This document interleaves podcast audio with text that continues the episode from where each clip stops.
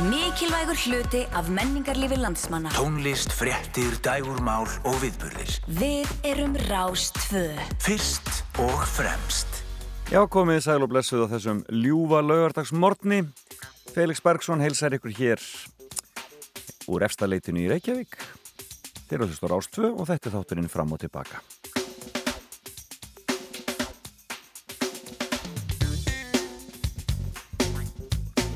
Já, það komum vetur hjá okkur og uh, vetrarlegt, vetrarleg færð og allt saman í höfuborginni þannig að öruglega víða á landinu sama, þannig að fariði varlega hvar sem þið eruð og uh, fylgist þið vel með færð og veðri ef eitthvað skal haldið á stað. Uh, þetta eru þeir tímar og um, það er svona vonandi jólastemning í loftinu og ég sé á kortinu að það er kallt á landinu öllu og uh, en eins og ég segi það vonandi fylgir því jólastemning og við erum í jólastemningu hér.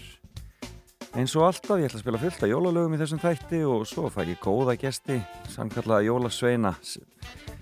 Hún um, Svaneldur Konráðsdóttir verður í símanum eftir uh, nýju hún er fórstjóri hörpu og það er sannlega húsþjóðarinnar og ekki síst á þessum ástíma yðar á lífi og ég ætla að heyra eins í henni hvað sé að gerast í hörpu og hvað hafi verið að gerast og hvernig starfsfólkinu gangi að komast í gegnum þetta allt saman. Og svo uh, er það gestur dagsins í fimmunni. Og það er engin annar en Sigtryggur Baldursson trommuleikari og um, já, svona uh, talsmaður íslenskra tónlistar og svo auðvitað rítöfundur núna Sagnamaðurinn mikli. En Sigtryggur náttúrulega þekktur í íslensku tónlistarbransa fyrir að segja skemmtilega sögur og nú verður þær komnar út á bók En við ætlum líka að fá fimmu frá honum og svona aðeins að heyra meira. Heyra meira af þessum ævintýrum öllum saman. Svo hann fann að tromma með purkinum og ég sá það okkur um samfélagsmiðnum og það fylgta fólki sem heldur að hann hafi verið trommarinn í purkipilninga. Það var mest að villis það sem maður hefur nokkuð til að heit sko.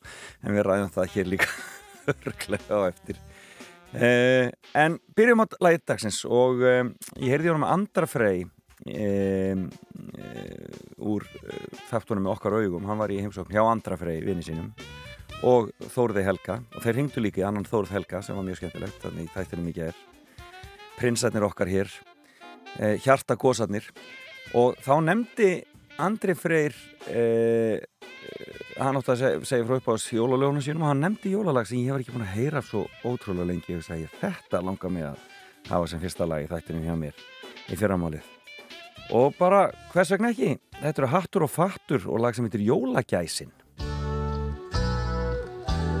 Þetta er náttúrulega gargandi snild úr smiðju Ólasveig Simonssonar Jólagæsin ilmar það er hlýtt og gott í húsunum. Jólatreðir sígræn og það er úrvalskjöl á krúsunum Jólakorti skrifa inn um brefalúrna Jólasveina setja upp rauðu húrna Jólaskjóni fellur eins og vera ver Jólafrosti herðir til að gerjast ég. Jólalögin ómar Það er gjafa hrú á gólfinu. Jólasveinar skemmta Og það er úrvar sísi fristi hólfinu æfa gegnum útvarpi til því Jólaljósa flóðir glitra bæðu skinn Jólabækur baða sig í búðarklukkunum Jólakettir flýja upp með skukkunum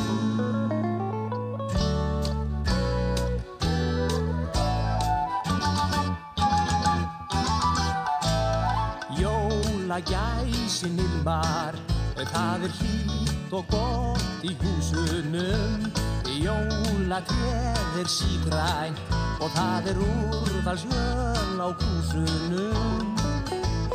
Jólakorti skrifa inn um brefalúrna Jólasveina setja upp brauðu húrna Jólaskjóri fellur eins og vera ber Jólafrostir herðir til að gerjast þér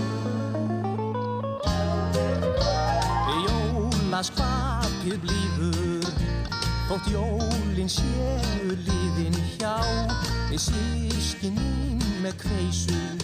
Papp og mamma ekki sjón að sjá. Jólagæsin er nú ekkert nema bein. Jólapappir í fíkur út um allan heim. Jólabotti loðir við hverja þína tönn. Jólakötturinn flytur sig aldrei nefn spönn. Jólaskvapið blíður Þótt jólinn séu liðin hjá Sískininn með kveisu. Papp og mamma ekki sjónað sjá.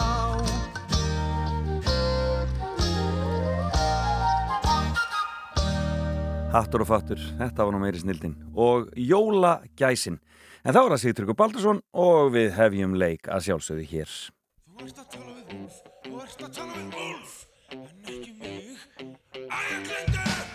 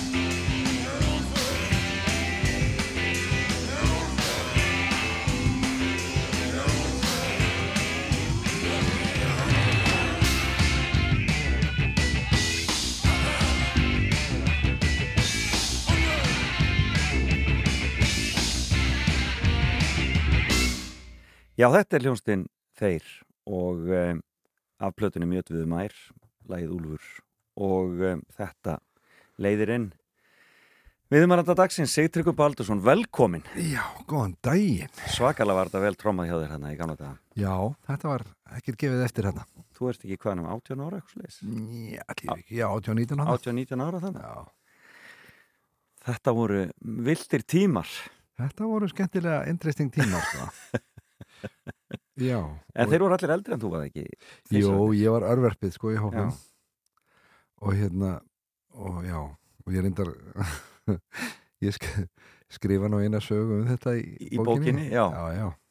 um þennan tíma, Já, þannig þeisara, þessa þeisara upplifun mína. þessi þeysi reið þessi, þetta var rosa mikið þessi reið og Já. ég hérna og þetta er einhvern veginn sko væntingastjórnunin hjá okkur var ekkert í, í mjög góðu lægi sem við leiti og hérna og þetta sprakk svolítið í háa loft hjá okkur sko. já, akkurat það var svona mikið, það var mikið, mikið þrýstingur og menn ætluðu sér að gera mjög mikið og stöðum tíma og svona það og mikið með eitthvað látið sko, því voru náttúrulega það Já. svona heitasta í, í, í, í íslensku nýbylgjunni Já, og jú, jú, það var bara, þú veist, tímaspörsmál, hvernig við vorum að verða heimsfrægir, sko. Ég get ekki byggð eftir að lesa þessa frásögn í bókinu, en velkomin Takk, takk. Eh, ég er náttúrulega eins og ég segi fá þig hérna út af, svona, svona, kannski tilefnið er nýja bókin sem heitir Haugalígi og um, sko ég alltaf þekkti sem sagnamann fengu þið hérna í gest út um allt á sínu tíma um Magga og þar fengu þið skemmtilega sögur frá þér í kringum Eat Your Car og, og, og þessar sögur sem þú hefur gaman af að segja á tónleikum Já, já. og þú ert svona brandara kall út fimmauðra kall svolítið Já, ég elska fimmara brandar. Já, akkurat En, en hver, hvern kom það til að bókin var það veruleika? Það er eiginlega gaman að segja frá því. Ég, hérna, í COVID-inu þá tók ég að mér smá skemmtilegt aukaverkefni. Já.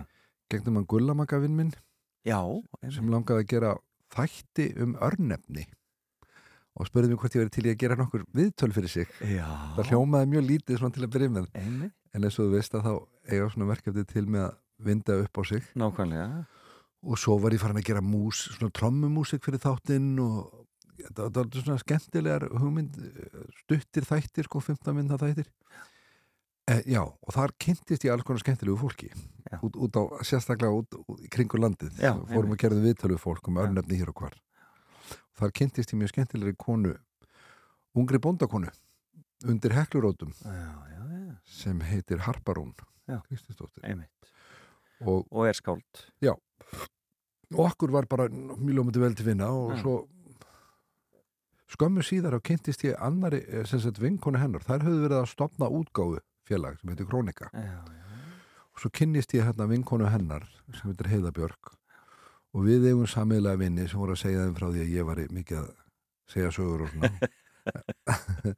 Og þær spurðu mig hvort ég ætlaði ekki að skrifa sögur sigumólana já. Já, ég svo, sagðist nú ekki alltaf að byrja á því alveg en, en ég væri, nú- ætti nú nokkra litlar sögur í skúfinni sko. Eða vildu sjá þær. Já. og þær voru mjög áfram um það og kvættu mig endilega til þess að hætta þessu þusi og fara að skrifa og það varð úr. Og ég tók þar, tók þar, tók áskoruninni. Og er það krónika sem að gefur sem sagt bókina út? já, já, Þetta er falleg bók til ham með þetta. Takk, takk fyrir það. Þessi ljósmynd á fórsíðinni hún er tekin í, í hérna, fljótsliðin í síðasta sumar. Bara undir regnbúanum af mér, já, sjálfum. Af, af sjálfum þér, já, já. glæsileg. En það er fimma og það er náttúrulega átti mjög vel við að þú skildir velja fimm bækur þú gafst, gafst mér option á, á fimm plötum líka Já, og, og, og mjötuðumær var ein af þeim já, já, en þarna, en ég kaus bækurnar Já. því að mér langar svona aðeins að kynast þér nánar í gegnum það já. og ég vil ekki bara byrja á þeirri fyrstu hvað var fyrsta bókin sem þú vildir nefna? Eh, Svo fyrsta sem ég nefndi líklega verið Bulgakov Það var Búlgakov Meistarinn. hvenar, hvenar ertu að lesa meistarinn og margarít? Ég er líklega t- tvítugur, 21 árs ok, nýskriðin og mentaskóla Já, en ég skrifur mennskóla, það var 21 árs já. hvar varst í mentaskóla? Nei, þetta er tvítur. Ég, ég fekk því tvítursamali frá Björk. Ok, Björk gammar hana í tvítursamali skjöf hvar varstu í hérna, Allir áreitun hvar varstu, ég er með falleri áriðun Já. Hvar varstu í mentaskóla? Ég var í MK Já, en ég var svona eins og ég segja á ennsku high school dropout. Já, akkurat. Ég hætti eftir þrjá vetur. Já. Og hljófst á brott með sirkusnum. Eða þá var ég í rauninni orðin umbúsnaður hljófstarinnar þeir. Já, ok þannig að þú varst alveg komin í, í þann bransa. Já, ég var reyndar var alltaf, hafði svona ábyrða tilfinningu, sko. Já. þannig að ég mér fannst þetta þurfa að ganga upp. Þannig að þú sást um bókaldið bara Já, um það þurfti ykkur að gera það. Já. Og Steini var ekki að fara að gera það. Nei, Steini Steini var ekki að fara að gera það, sko. Þeir hérna félaga, félaga mínir voru nú ekki alveg að fara að gera það. Ég var, Nei. sá bara fram á ég ert að taka þetta bara og gera þetta. Já. og hérna, og var það farin að vinna á kleppi og svona, Og svona með þessu öllu saman. Já, með þessu sem var sko. Og, og klárar þú aldrei stúdentina eða hvað? Jú, jú, svo kláraði ég hann bara kvöldskóla sko. Bara síðar, akkurat. Og, og svo hérna er reynda það er aðeins síðar sko. Það er líklega, já, tveim árum setna sem ég fæði þessa bók í Amaliskjöf Já, ok þá er ég farin að vinna með uh, öðrum hóp, sem sagt kukklhópnum, Einmitt, það hefur verið það 23, 84 einmitt og hérna já, það var mjög, mjög skemmtilegt Og varstu alltaf svona bókabessi? Varstu alltaf svona mikið að lesa? Já, ég var alltaf svolítið að lesa Já og maður ólst svolítið upp við þetta sko. Já. þegar ég var lítill strákur út í bandaríkanum að þá því ég fluttist til bandaríkanum var 6 ára 6-7 ára þá var ég ansið opinn fyrir nýlum og framhandi umgangspestum þar. Já, og fyrsti veturinn minn í skóla eitti ég þó nokkuð þó nokkur tíma í, í rúminu heima með flensu. Og þá var nú ekki sjóan sko. Nei, þannig að þá var maður bara Og hvað lastu þá? þá var manni, voru manni réttar bækur. Og allan fjandan sko. Já. og ég var að lesa alveg bara, jú, yfirleitt svona einhverjar barnabækur. Já, heimitt. en jú, jú, mamma reytti í mig alls konar efni sko lét mig lesa allan, allan fjáran og af því að hún vildi líka ég sko næði íslenskunni sko Nákvæmlega. að lesa Þú íslenskunni varst svolítið á flakki sem, sem Jú, barnað ekki. ég var svolítið flökkubann Hva, hva, og hvers vegna var það? Teng... það var þess að pappi vann alltaf fyrir loftliði Já, já. hann var hérna hann var sko flugvélstjóraði upplægi Já. en var að sjá mikið um viðhaldstildina hjá Já. þeim og þeir þekktust um mitt sko, feður okkar akkurat, og ég, pappi passaði þig, veit ég, í Nóri, Þa, það, þannig veit ég þetta nú svolítið alveg rétt og, og minnist á þá góðum stundum. ég fættist þar nefnilega sko. ég fættist í Nóri Já, og flutti svo til Íslands í nokkur ár flutti svo til Bandaríkjana í nokkur ár Já. og jú, endaði svo hérna reyndar í Kópavænum sko, Akkúrat. sem unglingur já, akkurat. og, og fór nú eh, ekki mikið á flakk fyrir hann upp úr tvítu nei undir tvítu, því að byrja að ferðast og spila Já, þannig að það hefur, það- en það hefur þá aldrei verið, það hefur verið þér í rauninni svolítið í blóðborið, svona eðlislegt að, að vera víða og ferðast Já, og, já. og, og bjúa í öðrum samfélögum og svoleiðis. já, já, ég mitt var náttúrulega tví, tví tingdur hérna frá snemma Lærður þú norsku nögt? Nei, ég gerði það nú aldrei, almennilega. Já, nei. Nei, ég kunni Þú að segja að það er mitt og hér komi kongen held ég. Ég, ég var fluttur heim tveggjára En á meistaram á Margarítu, hvað var það sem að heitlaði svona við, við Þetta var fyrsta bó, ég var búin að lesa held ég mest allan lagsnes þegar Já. þarna kemur Já. Sjöjú og, og Þórberg Einmitt. þessa risa.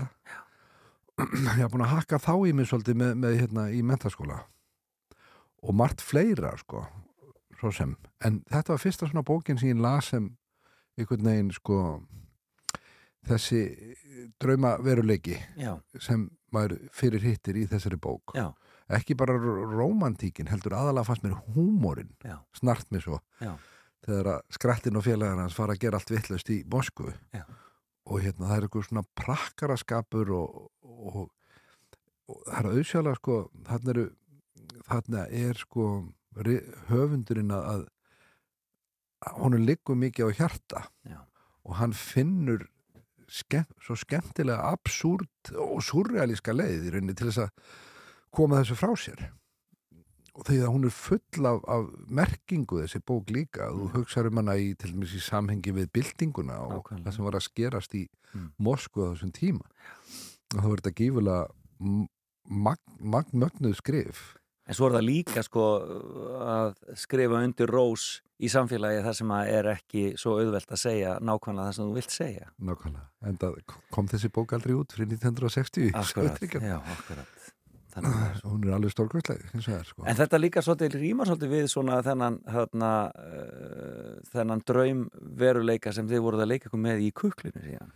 Jú, kuklið er náttúrulega Ákara draumkent, draumkent svona tilrauna. Jú, það er svolítið afsprengi líka samvinnu sko okkar sem komum úr hérna síðpöngbilgjunni Já, og svo þessara höfunda. já, einmitt. Eh, Mín ein- eina meðlags kemur inn í þessa hljónsveit og hann er náttúrulega úr, úr metusúhófnum. Já, og ljóðskáld. Já, og alveg hardcore, en hann var náttúrulega þvílíkt, þvílíku talent að hann, honum fórst allt vel úr hendi. Einmitt. Var bæði myndlistamæður, ljóðskáld, tónlistamæður Já.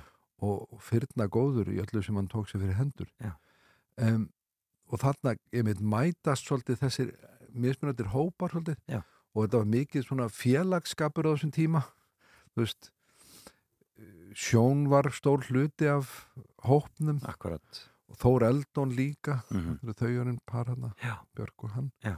Þannig að þetta var svona skemmtileg, skemmtilegur uh, svona, já, þetta, þetta var svona reglívar samtök nákvæmlega og með, með, margir byrjaðar að skrifa einmitt og senda frá sér. Já.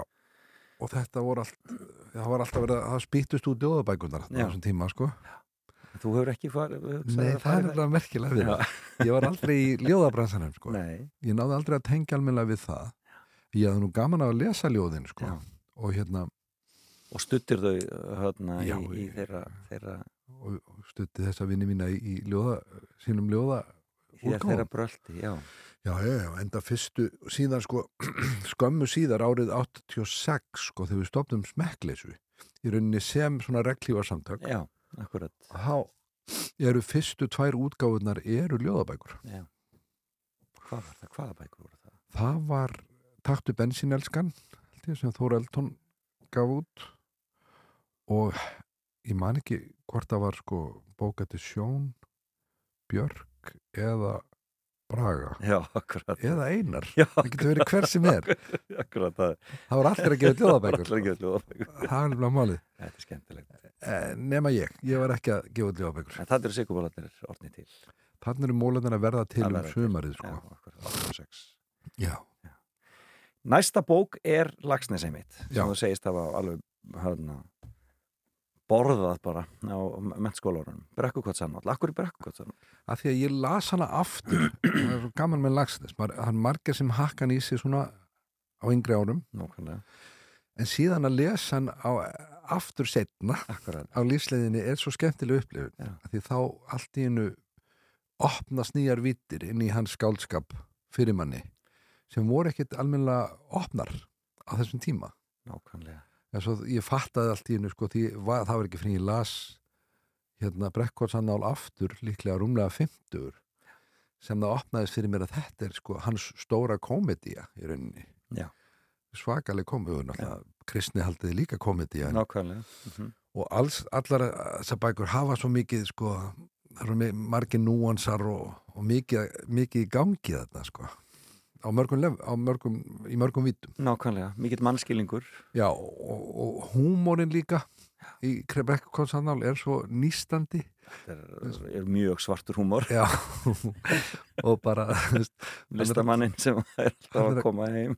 Já, já, ha, að gera grína alls konar, hann tekur alls konar hluti fyrir sko. Já, og ekki bara borgarasamfélagið og snobbið og, og pólitíkina og, og hérna og þessi söngvari sko og fræð, fræðin kemur að utan nákvæmlega. hann er að grínast með það líka sko með Garðar Holm Já. og þetta snart mig náttúrulega líka. Og, og, og hérna og margt fleira, sérstaklega þegar strákurinn þegar hann er að gera grína kapitalismannum fannst mér alveg nýstandi fyndið. Þegar sko Björn eh, bóndi í brekkukoti er eini grásleppukallin sem selur alltaf fiskinn sinn á sama verði þannig að brottborgarnir fara að snoppa fyrir því að, að því að fiskurinn flúttir er í verði sko hjá öðrum grásleppusölum eftir frambóði Já, einmitt. En ekki hjá bytni Já, hann er svo mikið þverhauskallin Já. hann selur alltaf fiskinn bara nákvæmlega sama verði. Þannig að brottborgarnir fara að hérna, snoppa fyrir því að kaupa hann sko stýrar af bytni sko, Já, þegar, akkurat, þegar hann lækkar hjá þegar hann lækkar hjá hinum. Já, þá halda þær í fram að björn sem er betri gráslepp nákvæmlega. Þessi nákvæmlega sama grásleppa og þetta fannst mér ógeðslega fyndið. Og hérna og líka þegar að strákarnir fara út í hagan á í hestana og fara að hoppa yfir gaddavýrin vegna þess að það er það var sko tíu auðra sekt fyrir að fara koppið við gaddavískyrðingar Það grættu svo rosalega það grættu svo rosa og kom hann heim og var að monta sig við ömmu sína hvað hann hefði grætt mikinn pening. Það var hoppið að hoppið gaddavýrin þetta fannst mér, þetta útskýði bankakerfið endaði, þetta endaði í bankarunni nákvæmlega Þetta er, Ah. þetta er skemmtilegt. Já, en, þarna, en, skemmtilegt. en, en uh, já, þú hefur lesað hans að það hefur heims farið aftur í lagsni svona í setni tíð. Já, og svo er ég búin að vera að uh, treyna mér þetta Já. sem svona konfektmóla En Þorberg, hefur hefur Jú, lesið hann ég aftur svona gert það sama við hann sko. Já, Ég er náttúrulega las alltaf sálmunum blómi fyrir börnin mín. Ég skil. Sem var svona ingangur að íslenskum bókmæntum svolítið. Ja, Já, bæði meðvita og meðvita Já, líklega. ég skil, já, ég skil. Og, og svo, já og svo hef ég bara heimsótt þessar bækur hans allar líka sko. En þegar þú varst að ferðast eins og með sigumólunum menna það, er náttúrulega bara þetta fer bara strax í gang þarna eiginlega. 86, 87 87 er svona, eru þið farin að Já. bara, er þetta allt komið á húrrandi ferð? Þetta fer, já, fer, á, fer í gang alveg á flegi ferð þarna um hausti 87 Akkurat, ég man, ég sá ykkur einmitt í Edinborg 88 á tónleikum. Þarna um, ertu þá með bækur með þér á þessum ferðalögum? Ertu að lesa á þessum ferðalögum eða var, var tími til þess? Já, já, og það var mikið af bókum sem geng og milli í bössunum sko. Já, akkurat. Ég man sérstaklega eftir hérna auðla bandalæginu á Confederacy of Dunces eftir John Kennedy Toole Já, sem er svona nýstandi beitt komedía Já. Og fjallar um já, ég ætla nú ekki að fara að rekja sögu hennar hérna, en ég, hún ætti að vera á þessum lista hjá mér já sko. akkurat þannig að það það svona bók sem alveg eh, sló mann sko og svo var maður að þræ, sko, þræla sér ekki um alls konar stöf sko, Já. maður að lesa William Burroughs og fullt af þessum amerísku uh, síðbítnikum og, og því dóti sko Já. og svona þræla, ég hafði nú misgaman að því þannig að þetta var meira þannig að þetta hjá Sigurmón þetta var meira sem books and drugs and rock'n'roll það var svolítið vexin Jackson og svona, já, það var að segja svo er þó að sexlutin hafi nú sko verið svolítið skemmtilega skrítin líka þetta næn líka.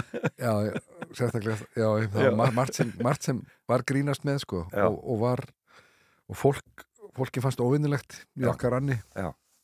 Og sem að sönnu var það líka sko en það er bara svona finna tilvílanir en þetta er æfintýra tíma þetta er, hvað, en þetta er svona þrjú hvað er þetta, þrjú ár? fjögur ár, fjögur ár við erum í er- útgerðinni svona í fjögur ár Já. fjögur til fimm Já.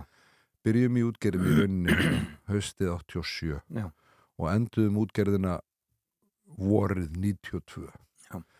En þó við höfum gert sko, síðan gerðum við eitt svona kveðjutúr um haustið 92 Já, því ok. okkur var bóðið þarna að hitta fyrir YouTube. Já, og ákvæðum að þykja það. Já, það hefur nú verið skemmtilegt. Þá var gaman sko. já, þeim, þeim góðu drengjum. Uh, Þriða bók er Sigga Hagalín. Já, komum við að, að svona inn í nútíman aðeins. Já, og það er Eiland já mér fannst, fannst það virkilega skemmtilega ferskur vindur þegar ég las hana. Já. Þetta er ferskur vindur inn í íslensku bókmæntasennuna einmitt. Án þess að ég sé neitt sérfræðingur um íslensku bókmæntasennuna ég ætla ekki að reyna að fara að útmála mér sem slíka vegna þess að ég er það ekki. Þetta eru aðgengilega bækur hjá Já. sko. það, eru mjög aðgengilegar. Ég meina ég hef líka verið að lesa fríðu hérna á, já, Ísberg. Ísberg og hef mikið dálæti á henni og, Mhm. og fleiri sko ungum konum sem er að riðast til rúms. Já. Í þessum bransa veist, og það, ég gæti verið með hauga bókum þetta. Bara, ég var að vinna í gær. Já, ég var mjög busy því að vera búið til hennar lista. Þetta var svona, hvað kemur fyrst upp í huga? Það er bara listi, mjög sko. gott sem er bara mjög fínt, Já, sko. það bara, svo ég fór að hugsa um þetta betur sko. En þá má ég segja að hún sé svona, þá svona, svona framhlið fyrir marga aðra höfenda sem þú ert að, að lesa. En, mér en hvað er það við Eiland sem að sko Það svakalega um, morbid sín á Já, þessi dystopíska morbid sena sem Já. hún setur upp sko. Mér finnst hún vera svo hún gerir það svo flott, það er svo áreynslulöst hjá henni Mhm, mhm. og uh, mér finnst svo, svo flott hugsað hjá henni Já. og þetta sambandsleysi Íslands við, við umheiminn Já. því við erum eiga og hugsa sér bara hvern, þessi situasjón svo skemmtilega sett upp eða bara kvartast af allt samskipti Einmitt. við vitum ekkert hvað er þetta fyrir utan okkur. Og við erum allt í einu orðin bara algjörlega einangruð. Já. og hvað fer þá að gerast sko, mér ætla ekki svo að fyndi einmitt líka svartur húmor í þessari bók Já. sem liggur svolítið djúft eins og með, með hérna björgunarsveitirnar sko, það var, fara að verða svona millisju það er verða svona hersveitir í rauninni sko. Sem verða ansi væjulent eða svona óbildisfullar og það er svona betur húmor bak við það Já. en og, já, já en, og, og margt sko bara hvernig hún sögunni vindur fram Já. hvernig hún fer svona og er, mér fannst hún ekki vera fyrirsjáanleg mér, já, var alltaf fegin þegar maður les bækur sem komur á óvart Ég er sammála því að það er húmórin í þessum bókum sem er svo skemmtilegur hjá henni, Já. hjá henni. Já, og líka í, í, hérna, já, í nýri bókurum hennar um sakfræðingin í, í hérna, og, og, sem er að, er að, að, skrifa um ensku, heimsins. um skrifa um ensku öldina það Já. er svo fyndið það er alveg ég veldist um að frábær bók. e, Tökum okkur smá pásu, þú nefndir nokkrar plötur og ein þeirra er með Brian Eno og David Byrne Já. e, er, það, er það perkusjónið sem að gerir að verkum að Já, það var bara svona hellingur af stöffi. Ég er náttúrulega lám þegar ég var á þessum yngri árum mínum að byrja alvarlega að spila tónlist Já. eins og í þeisunum til dæmis með fyrsta stóra bandi mitt á Íslandi. Já. þá hlustaði ég ekkert mjög mikið á rock og roll. Ég var meira hellaðist rosalega mikið af því sem kallað var heimstónlist.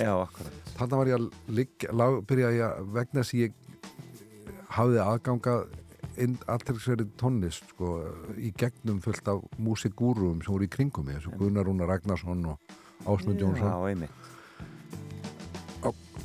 hérna, að fór ég að hlusta mikið á sko, tónlist frá öðrum heimsótum og heitlaðist af afrískri tónlist og, og bara meiri sem mjög svona ráum upptökum úr sveitaþorpum og öðru slíku. Nákvæmlega. Það sem að rytmin er svo afgerandi í, í allir tónlistasköpuninni og það einhvern veginn hitti mig bara í hjartastað og ég fór að pæla mikið í þessari músík sko.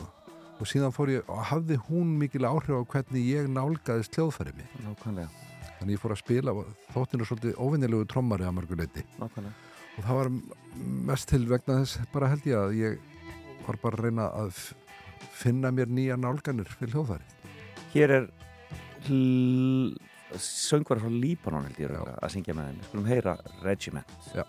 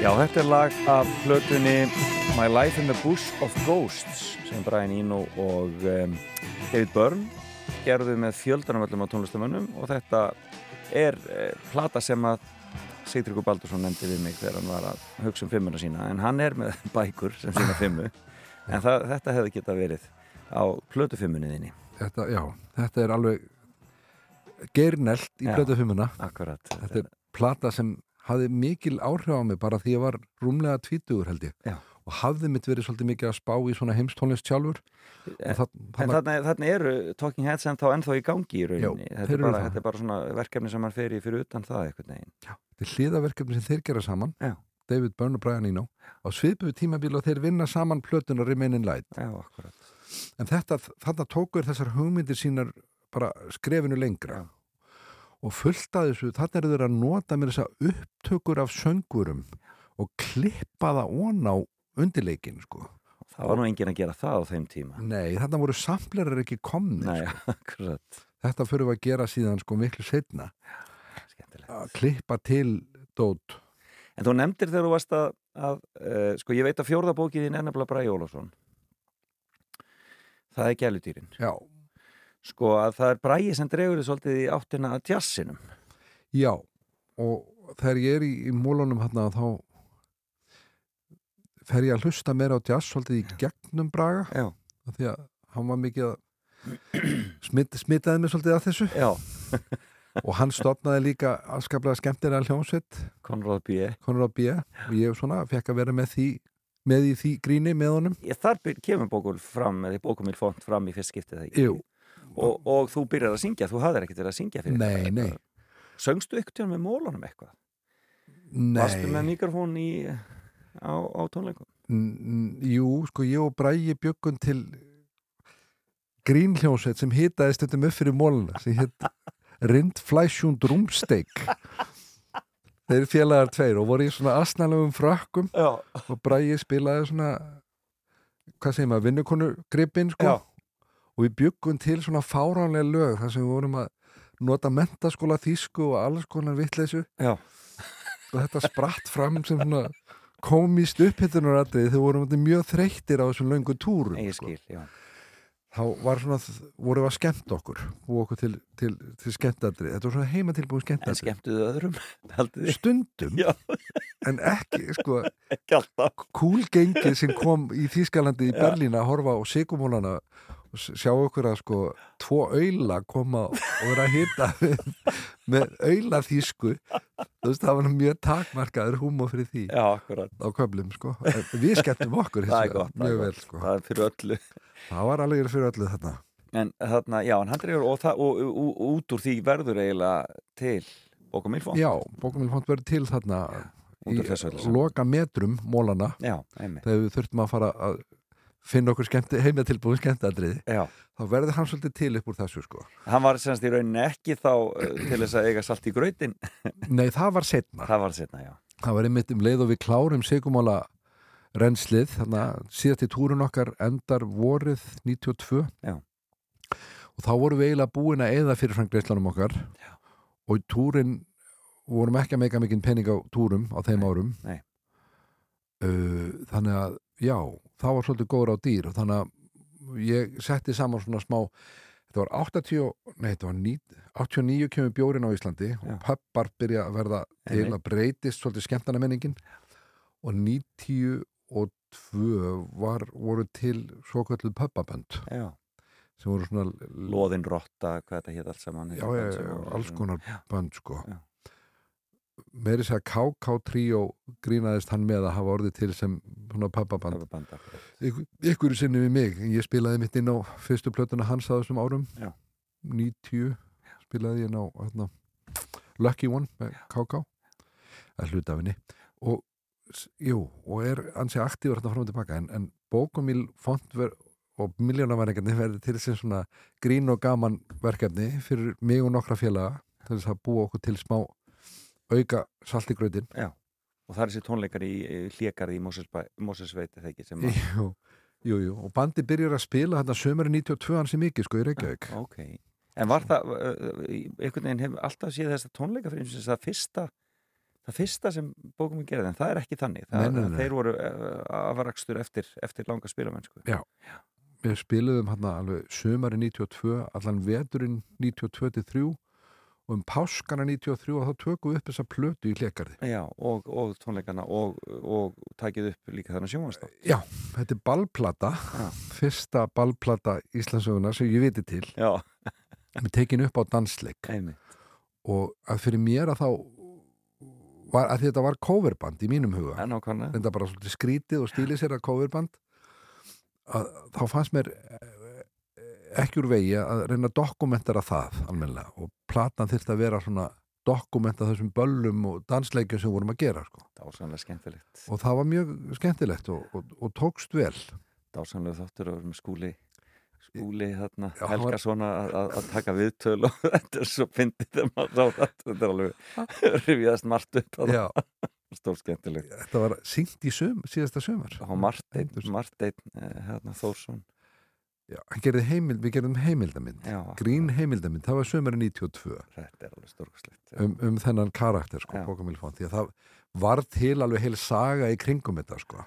og þar kemur nú kannski sagna maðurinn svona, Já, þar byrja ég að bröðla og, og í textónum náttúrulega. Jú, jú, svo, Mars búa tjá tjá tjá já. og svona. Og síðan jú, fer ég að gera meira af því setna, sko, því ég gera þess að Calypso plötu með, með hérna flýstríónu, Já. 96 nei, 2006 Já. því ég fluttur heim aftur akkurat þá fór ég að leika mig með þessa Calypso texta og, það og ég var orðslega hrifin að Calypso músikin ekki síst út af textunum Já.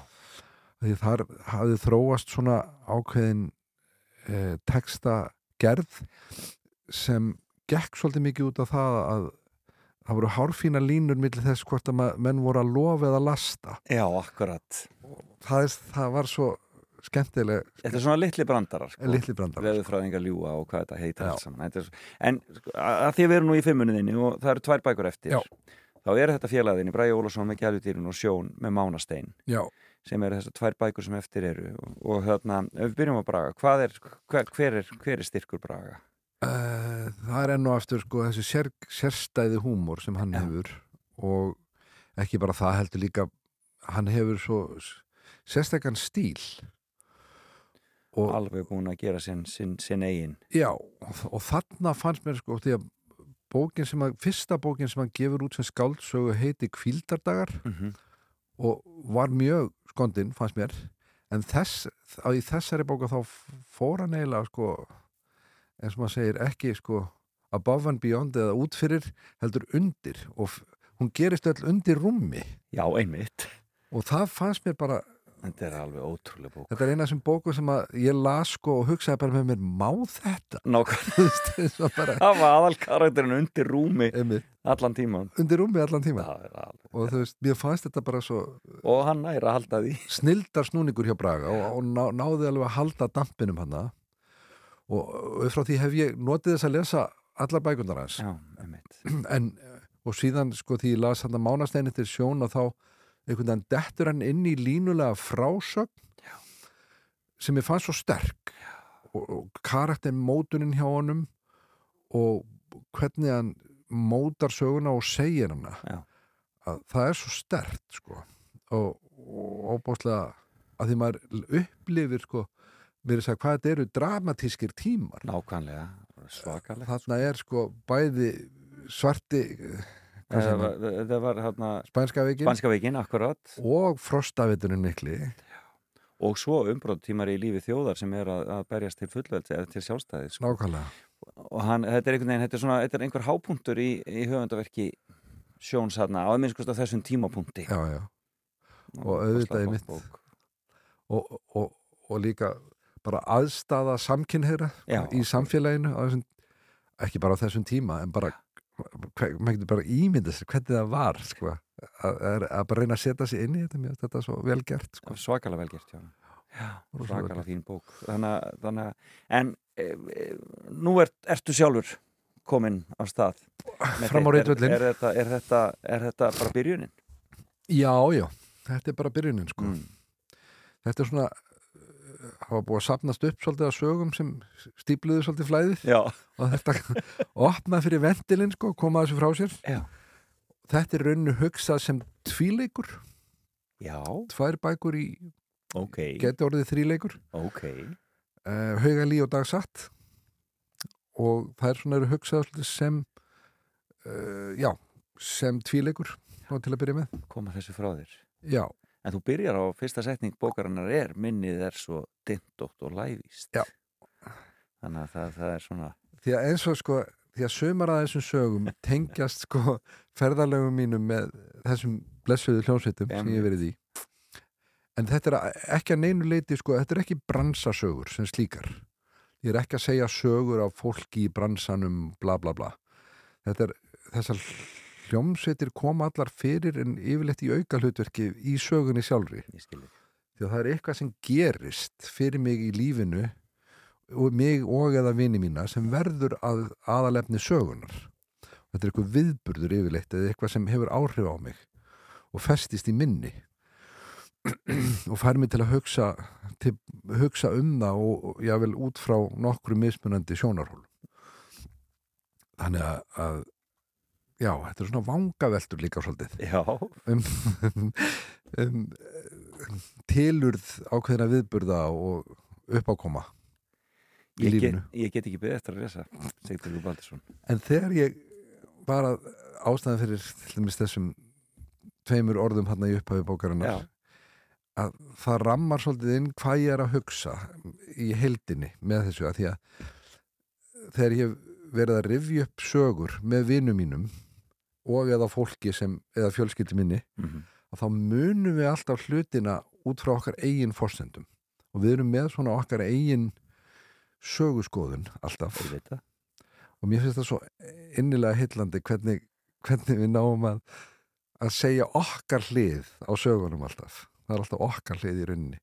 Eins og þú veist, ég meina uh, sigurvegarendir skrifa söguna. Nákvæmlega, nákvæmlega. Það er alltaf ákveðin söguskoðun sem kemur þar fram En svo er það líka svolítið þannig að, að, að, að um, hópur fólks hittist sem að upplýði sama viðburðin og það er svona smám saman kemst að sameigilegri niðurstöðu. Já. Það þarf svolítið að ræða sig niður á niðurstöðu um það sem raunverulega gerist. nákvæmlega, Ég hef alveg lent í Já, já. situasjónum, það sem er einhvern veginn já, og svo verður það svo er það minningin sem við tökum áfram með okkur, svona einn sameiginlega minning. já, nákvæmlega það verður eitthvað skonar eitthvað svona sameigilegri minningu Já.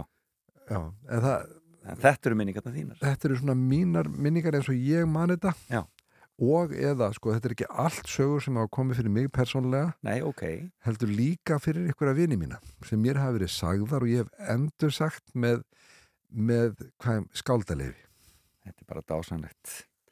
Ég bara get ekki beðið eftir að lesa um karlavislur í vestmannegjum sem fara úr böndunum og, þarna, og, og, og, og misefnaði KGB njósnara. Þetta er alveg ótrúlegt. Þarna, er, þetta, er, þetta, er, þetta er bara frábært að þetta sé komið út og, hlakka til að lesa Sigtryggur Baldursson. Hvernig verður desember, það sem eftir lifir hjá þér? Er, ertu að fara að tónleikast eitthvað? Er eitthvað svoleiðis?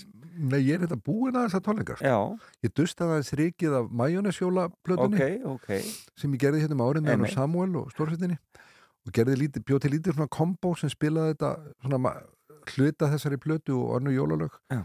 í svona dinnersamkvæminir á það sem við kallum um NASA og heitir núna sjálfstæðisalurinn Já, Austurvöll akkurat.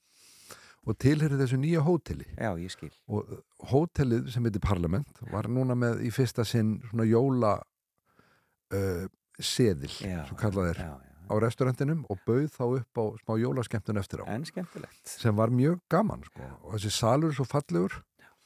Þannig að ég dundaði mér að spila þar. Ég er að spila reyndar á morgun með honum Pálma vinnu mínum Sigur Herta sinni Já, á borginni þá raulum við svona jólalög frábært. saman. Í jóla mat, hvað segir maður, jóla Já, hlaðborðið svona þar. Hlaðborðið, einmitt, já. og við ætlum reyndar félagatinn, ég og Einar og Bræja að lesa upp í dag Ok, í smekklisbúðinni. klukkan fjögur. En það verður ekki Purk Pilnings neitt? Nei, það, sko, kassin verður til sölu Já, og við áreitum hann fyrir þá sem vilja. Já, en, en hérna, og hann hefur reist út reyndar, það hefur komið skemmtilega orð skemmtilegt.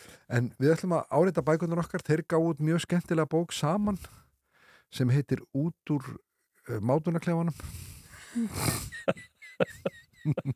Það sem einar myndskreitir sko, fjóra línu ljóð eftir Braga Þið klikkið ekki. með fjóru línum Ég veist sem margir kíkja á okkur í smekklis í dag, en kæra þakkir fyrir spjallið í dag, Sigtryggur. Takk fyrir mig Og endum þetta með bítlunum, Fixing a Hole. Jú, veit það er vel til fallið hjá þér, mestari where it will go.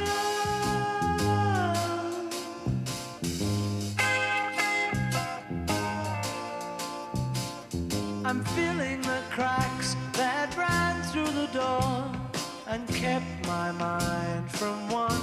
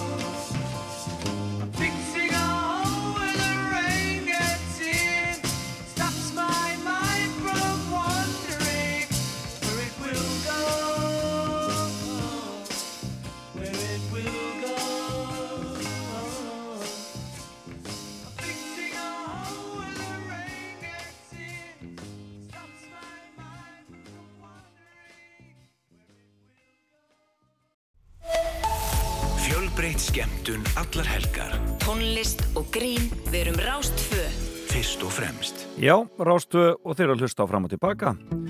Sigtryggur Baldursson farin á dyr, en við skulum heyra eitt lítið hér. Eftir smástund þá er það mæjunni sjól, en fyrst hátíðaskapið. Ég kemst í hátíðarskap Þótt úti séu snjór og krab Það hljóma hvar sem ég fer Svo sérstæð lög í eirum mér Jólin kom á ný. Ég spyr ekki að því. Ég komin er í hátíðarskap.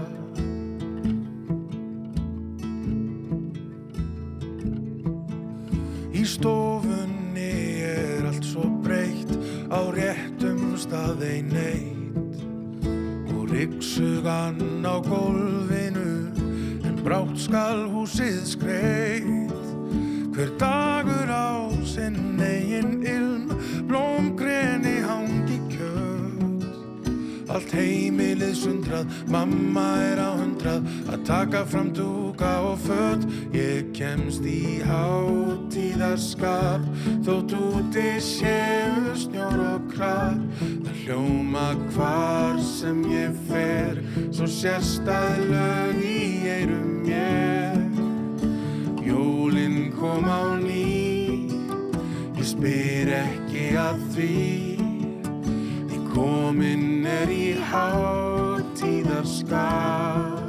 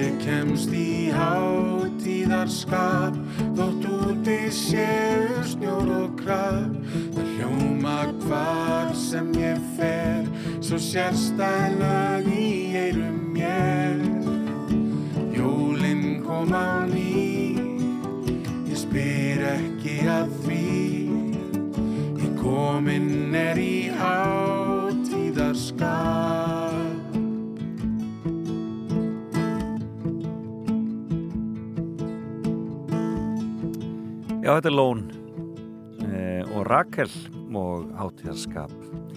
Eh, en Sigtryggur Baldursson já var hjá mér í morgun og hann er orðin fullgildur meðlumur í Purki Pilnik.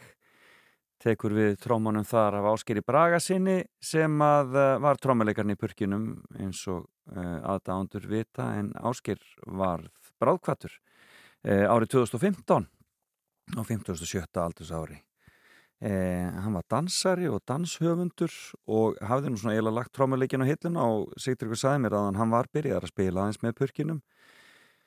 Eh, svona eh, á nýjunda áratögnum ásker svona mistið aldrei áhugan á þessu en, eh, en varð svona síðan fullgildu meðlum núna þegar þeir fóru í þessa útgáfu að þessu sinni og fóru aftur í stúdíu en það er dásanlega mynd af þeim félögum hér í purkinum með áskir uh, í, uh, í fararbrotti inn á heimasíðu Purks Pilnings á uh, Facebook.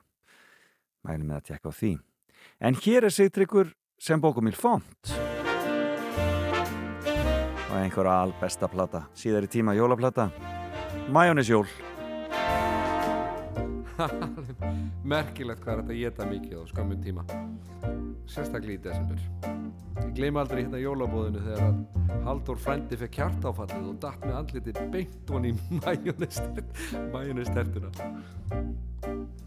Það er majónes heimur um jólin Þegar mjallkvítur hjúburinn er og landið frýs eins og rjóma ís nánast alltaf í desember.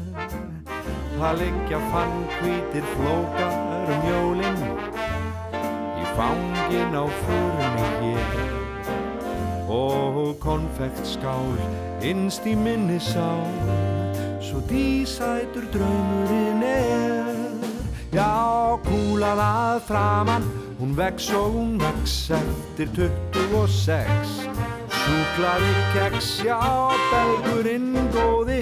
Hann blæs og við út það sest ekki lengur í stúd Það er krútlegt og kósi um jólinn og gærustu pörinn á svein.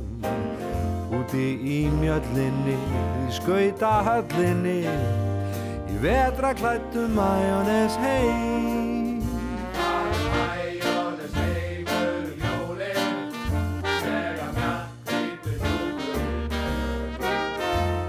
og landið frýs eins og rjóma ís alltaf í desember. Það er ekki svannkveitir nógar um jólinn í fangin á förunni og konfektskál innst í minni sál svo dísætur draumurinn er. Já, kúlan að framann hún vex og hún vex eftir 26 súklaði keks já, belgurinn góði.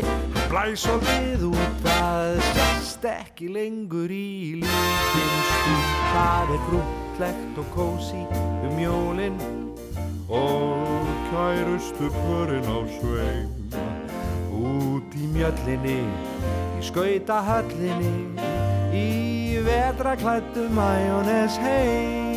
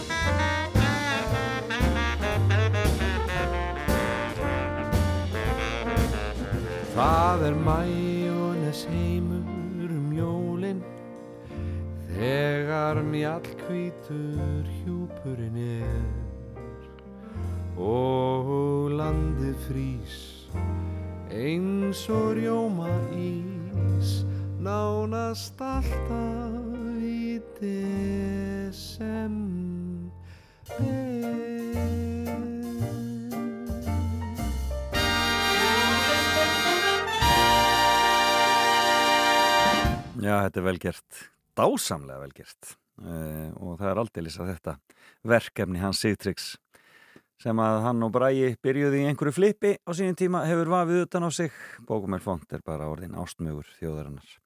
En svo ég endi þetta mál með Purk Pilnik þá uh, held ég að Rokklandið þessa helgina verði tilenga þeim stort viðtal þar við þá félaga sem hann Óli Palli var að taka í vikunni og uh, og uh, ég held að það gleiðist margir yfir því. En uh, áfram með smjörið og við heyrum í Svanhildi Konradsdóttur hér eftir smá stund. Fyrst og fremst Með þér. á Rástfö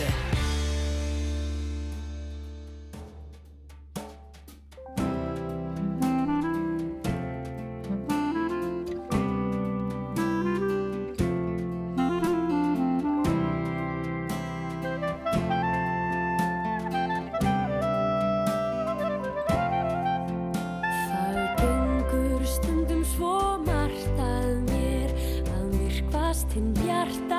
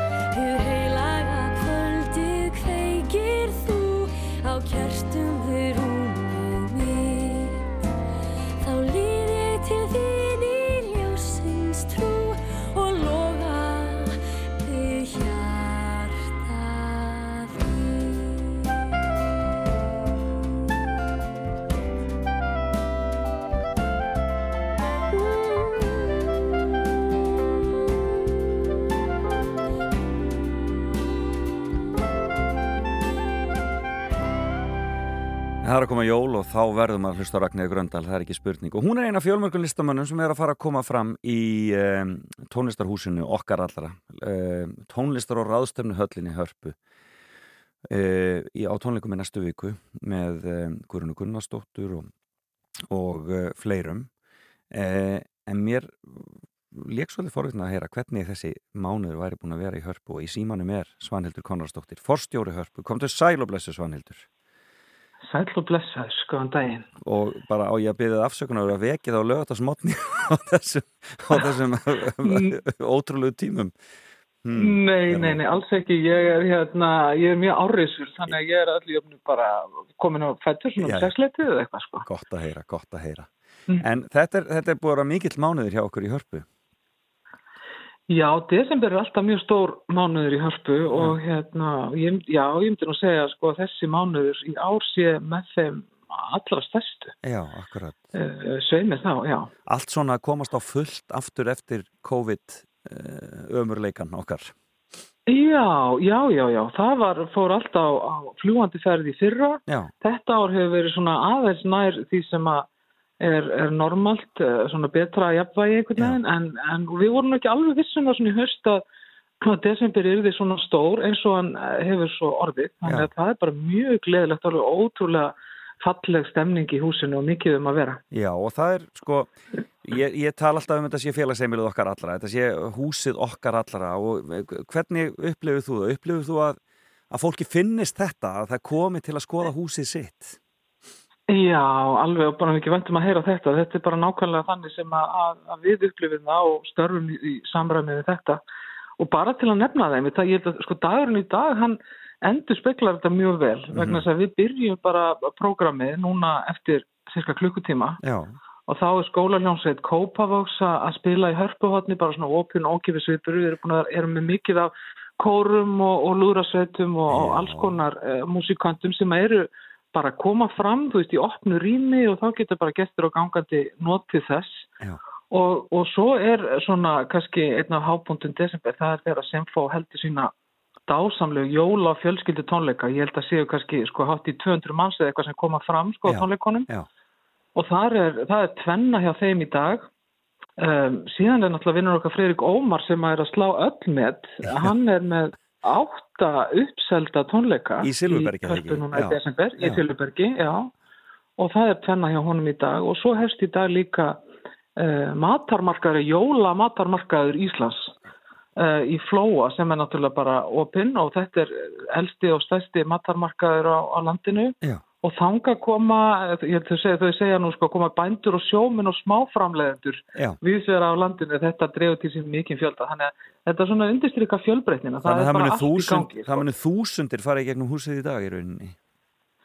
Veistu það, ég held nefnilega, ég held að við sko getum átt vona á svona alltaf 7000 mass. Þetta er rosalegt. Já, þannig ég- þetta er, þetta, þetta, þetta, þetta er félagsheimili sko, Þetta er sko fyrir þarna er samkomistæður, það má nú segja. En það er líka búin að vera með bóka, þið voru með bóka, þarna, bókahelgi, bókamessuna miklu og, og svo er alltaf búið að vera, það er bara fjöldin áttur á tónleikum nú þegar, en það er heilmikið eftir. Og eins og ég segi sko, eftir, sko. þessi jólatónleika sinfóníana, það var alltaf þannig í gána það voru, það voru eiginlega bara jólatónleika sinfóníana sem voru svona jólatónleikanir. En síðan sko Já. hefur þetta farið að bætast í og popparnir komið alveg hver á fætur öðrum með sína. Já, sannarlega, sko. Við, okkur telst til að, að ég held að sé svona eitthvað um 34 uh, sko, miðasölu viðbyrðir, Já. jóla viðbyrðir sem að, að er að fara í gegnum miðasölun okkar núna fram að jólum Já. og það eru tónleikar og síningar og, og það verða sennilega svona 24.000 miðar, eitthvað svo leiðist. Það er langmest að þessu vel selt og sumt alveg uppselt. Já, Og svo fyrir utan það að þá er einmitt þessir sko fríviðbyrðir sem ég er að nefna, sko. Já, og, og við höfum verið að halda jólaböll fyrir hérna, leikskóla, ég held að hafi 300 börn úr, úr hérna, leikskólum borgarna, dansa kringu jólatrið og tvö jólaböll í Norðurljósin sem voru líka bara opinn og ókipis. Þannig að, að það eru svona um 50 viðbyrðir fram að jólum sem að, sem að tengjast jólum sko á, á einn eða annan hátt. Þannig að þetta er mikil fjölbreytni og í tónleikahaldin eins og nefni sko þá er þetta Þetta er allt frá uh, bara ljúfri uh, klassík á, á, á síkildum sunnudögum yfir í jazz og stórsveit og, og svo bara frábært pop og rock og, og svo þetta endar bubbið þetta sko á þálasmessu tónleikunum. tónleikunir og það er bara byrjar, byrjar klukkan tíu. Syngur okkur inn í nóttina. Já, er þannig að það vantar, það, já, það vantar ekki, ekki hérna fjölbreytnina sko. frábært. Þannig að bara harpa bara stendur okkur opinn og allir velkomnir allir velkomnir. já, og, svo, og bara húsið svo, húsið svo fallegt og, og líst og sérstaklega svona dimmt og hann er komin snjór sem betur fyrir, ég er nú svo sér hann á snjónum þannig að þetta er alveg ótrúlega, er alveg ótrúlega fallegt þarna í kring líka. Já, ég vil sérstaklega hvetja þá sem er að koma bara í, borg, í borgina núna yfir helgina kannski að klára jólainkaupin eða eitthvað slíkt að, að nýta tækifærið og kíkja í hörpu á matarmarkaðin eða á einhverja tónleika því að það er bara svo algjörlega þess virði. E, e, Bríett verður e, í næstu viku, þegar ekki? Bríet verður í næstu viku og, og Sigga og Siggi með sína hátíðatónleika og þú nefndi nú þarna í byrjun líka, það Einmitt. er frábæru stöllur Einmitt. þannig að það er bara, eh, já, það- það er, það er landsliðið bara sem að er að koma fram, fram að jólum.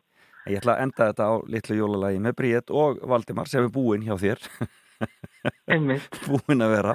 Þannig að uh, jólinur okkar. Svanhildur Konradsdóttir, Óskar innilega gleðilega jól og gaman að heyri í þér. Takk er einlega sem leiðis. Ok, bless, bless. Bless. og heyrum hér í þessum dásamlegu söngurum okkar Bríett og Valdimar. E, með bakalúti. Jólin eru okkar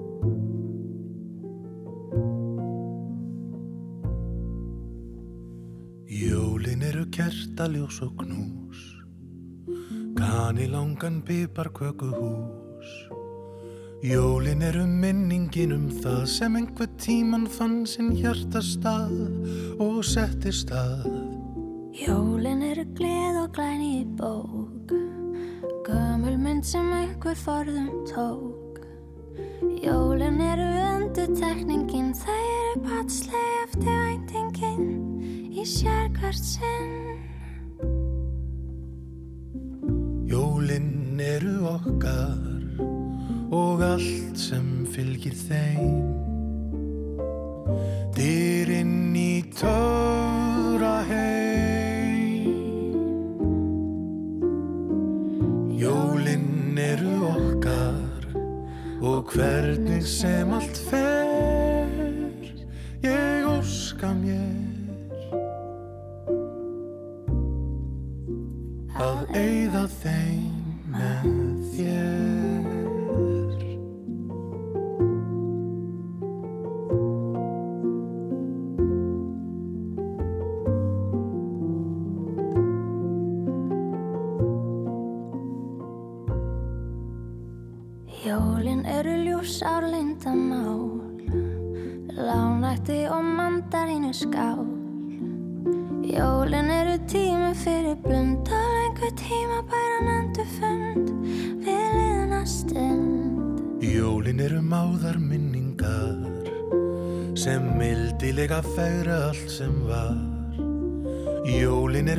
sáttmáli um frið sem við gerum allan heiminn við.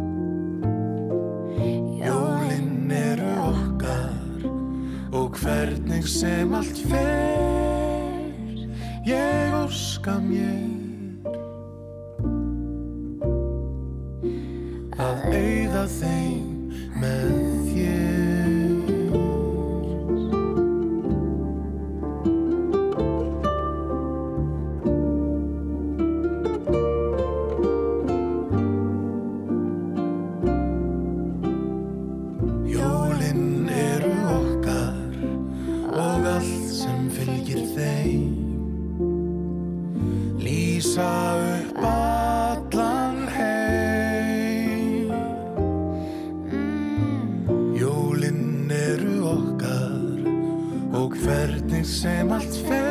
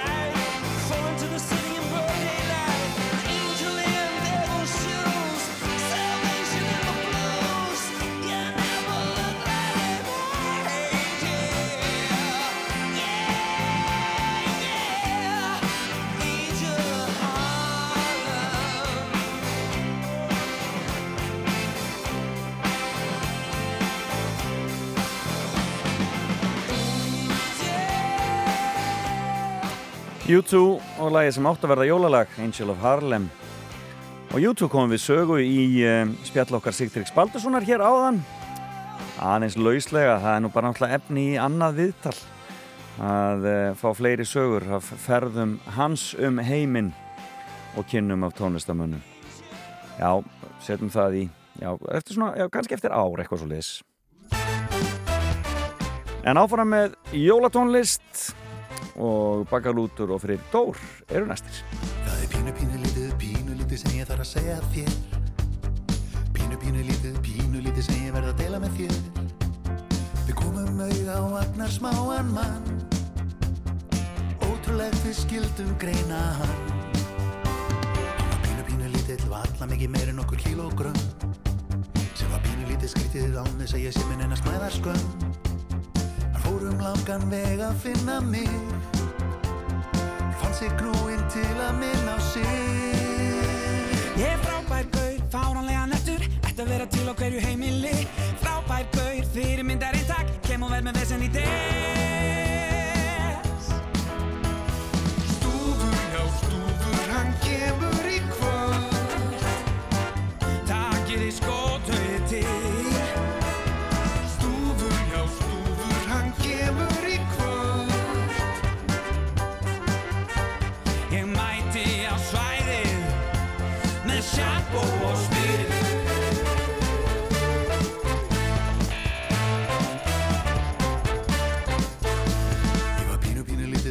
kvumsa en ég lagði saman tvo og tvo.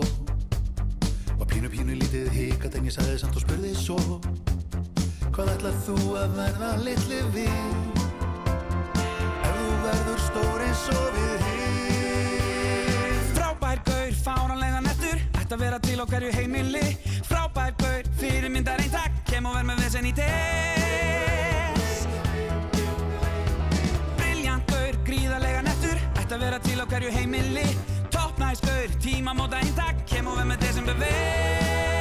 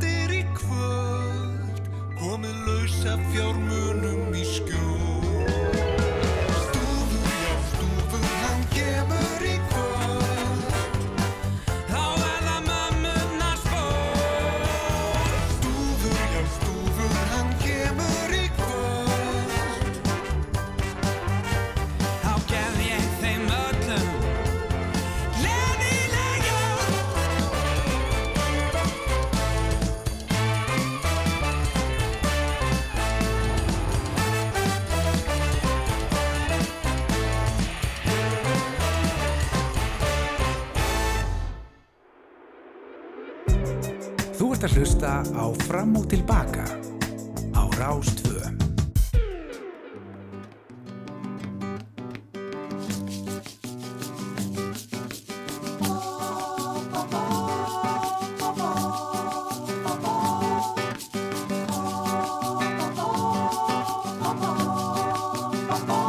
Ég fæ jólagjöf.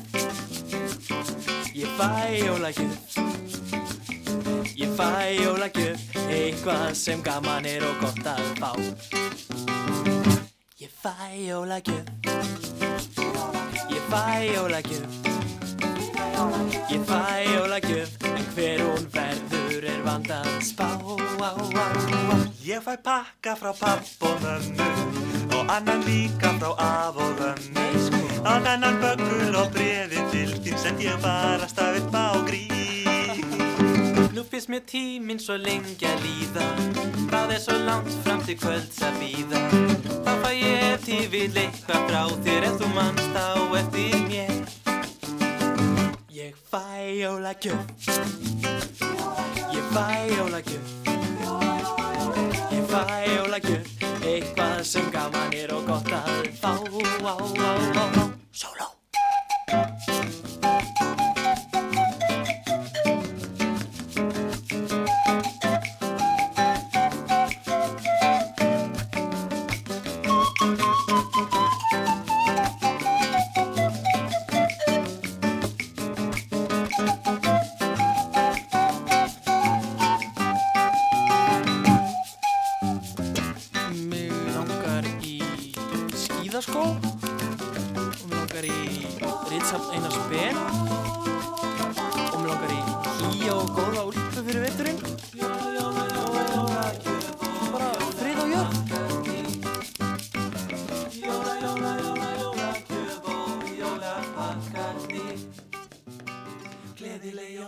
Mentaskóla grínið, alltaf best, þetta er hljónstinn Cozy og uh, ég fæ jólagjöf, eða jólagjöf heitir nú bara einfallega lagið. Þetta er alveg, algjör snilt. E, og ef að menn efuðust eitthvað um uh, á hvaða leið Ragnar Kjartansson var á þessum tíma, þá mæli ég eindreið með myndinni sem verður sínd um jólinn, Sovjet Barbara, sem fjallar um síningunan sem hann er að setja upp í Moskvu akkurat á þeim tíma þegar að Putin er farin að hrista vopnin framann í Úkrænu er, þetta er alveg mögnuð heimildamind sem allir þurfa að sjá. Uh, alveg ótrúlega flott. Er að setja upp yfirleitt síningu um yfir verksín og á sama tíma að búa til nýtt listaverk þar sem að rúsneskir og úkræniskir uh, listamenn og leikarar og, og, og framleiðendur eru að framleiða nýjar útgáfur af Santa Barbara þáttunum þetta er svo ótrúlegt að það þetta er bara, já, það verður allir að horfa þetta.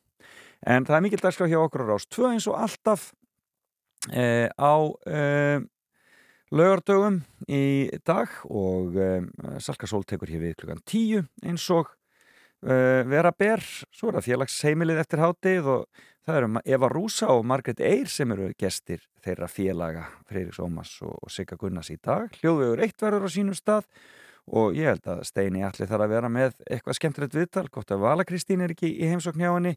Og þar verður öruglega rætt um e, rætt um e, nýju þættina venjulegu fólki.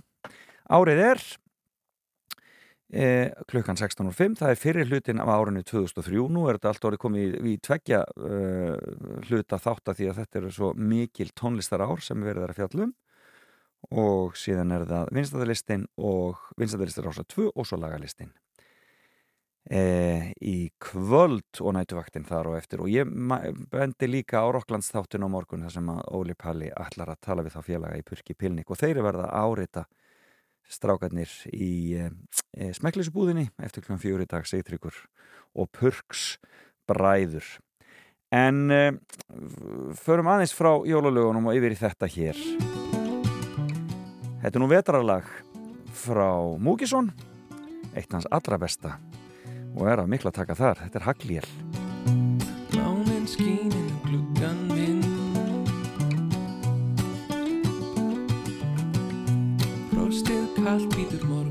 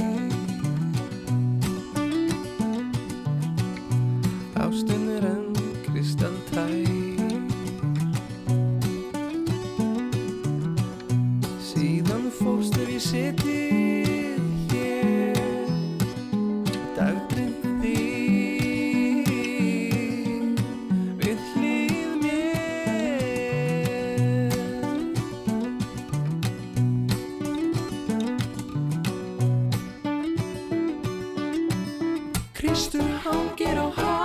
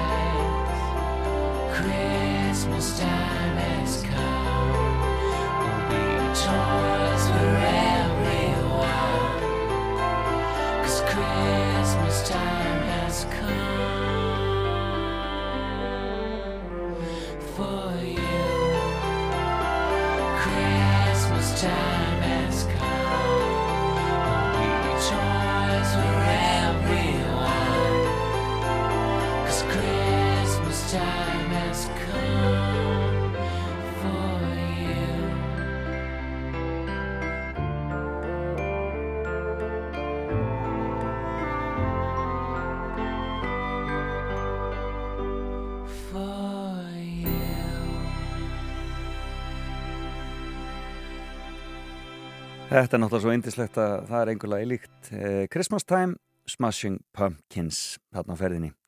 Þetta er búið hjá mér í dag.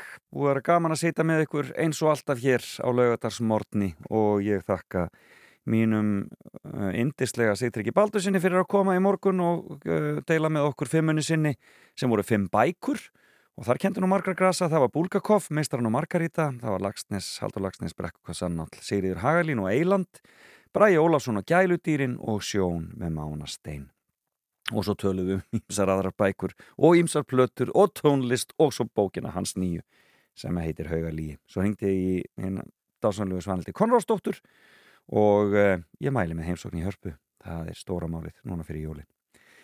Eh, takk fyrir samfélgina, við heyrumst aftur eftir viku, þá verður komið þólagsmessa og þá höfum við það hugulegt áfram hér í fram og tilbaka Takk ég vel á móti Sölk og Sól sem kemur hér eftir tíu fréttinar. Takk fyrir mig í dag, Felix Bergsson, hveður, bless bless.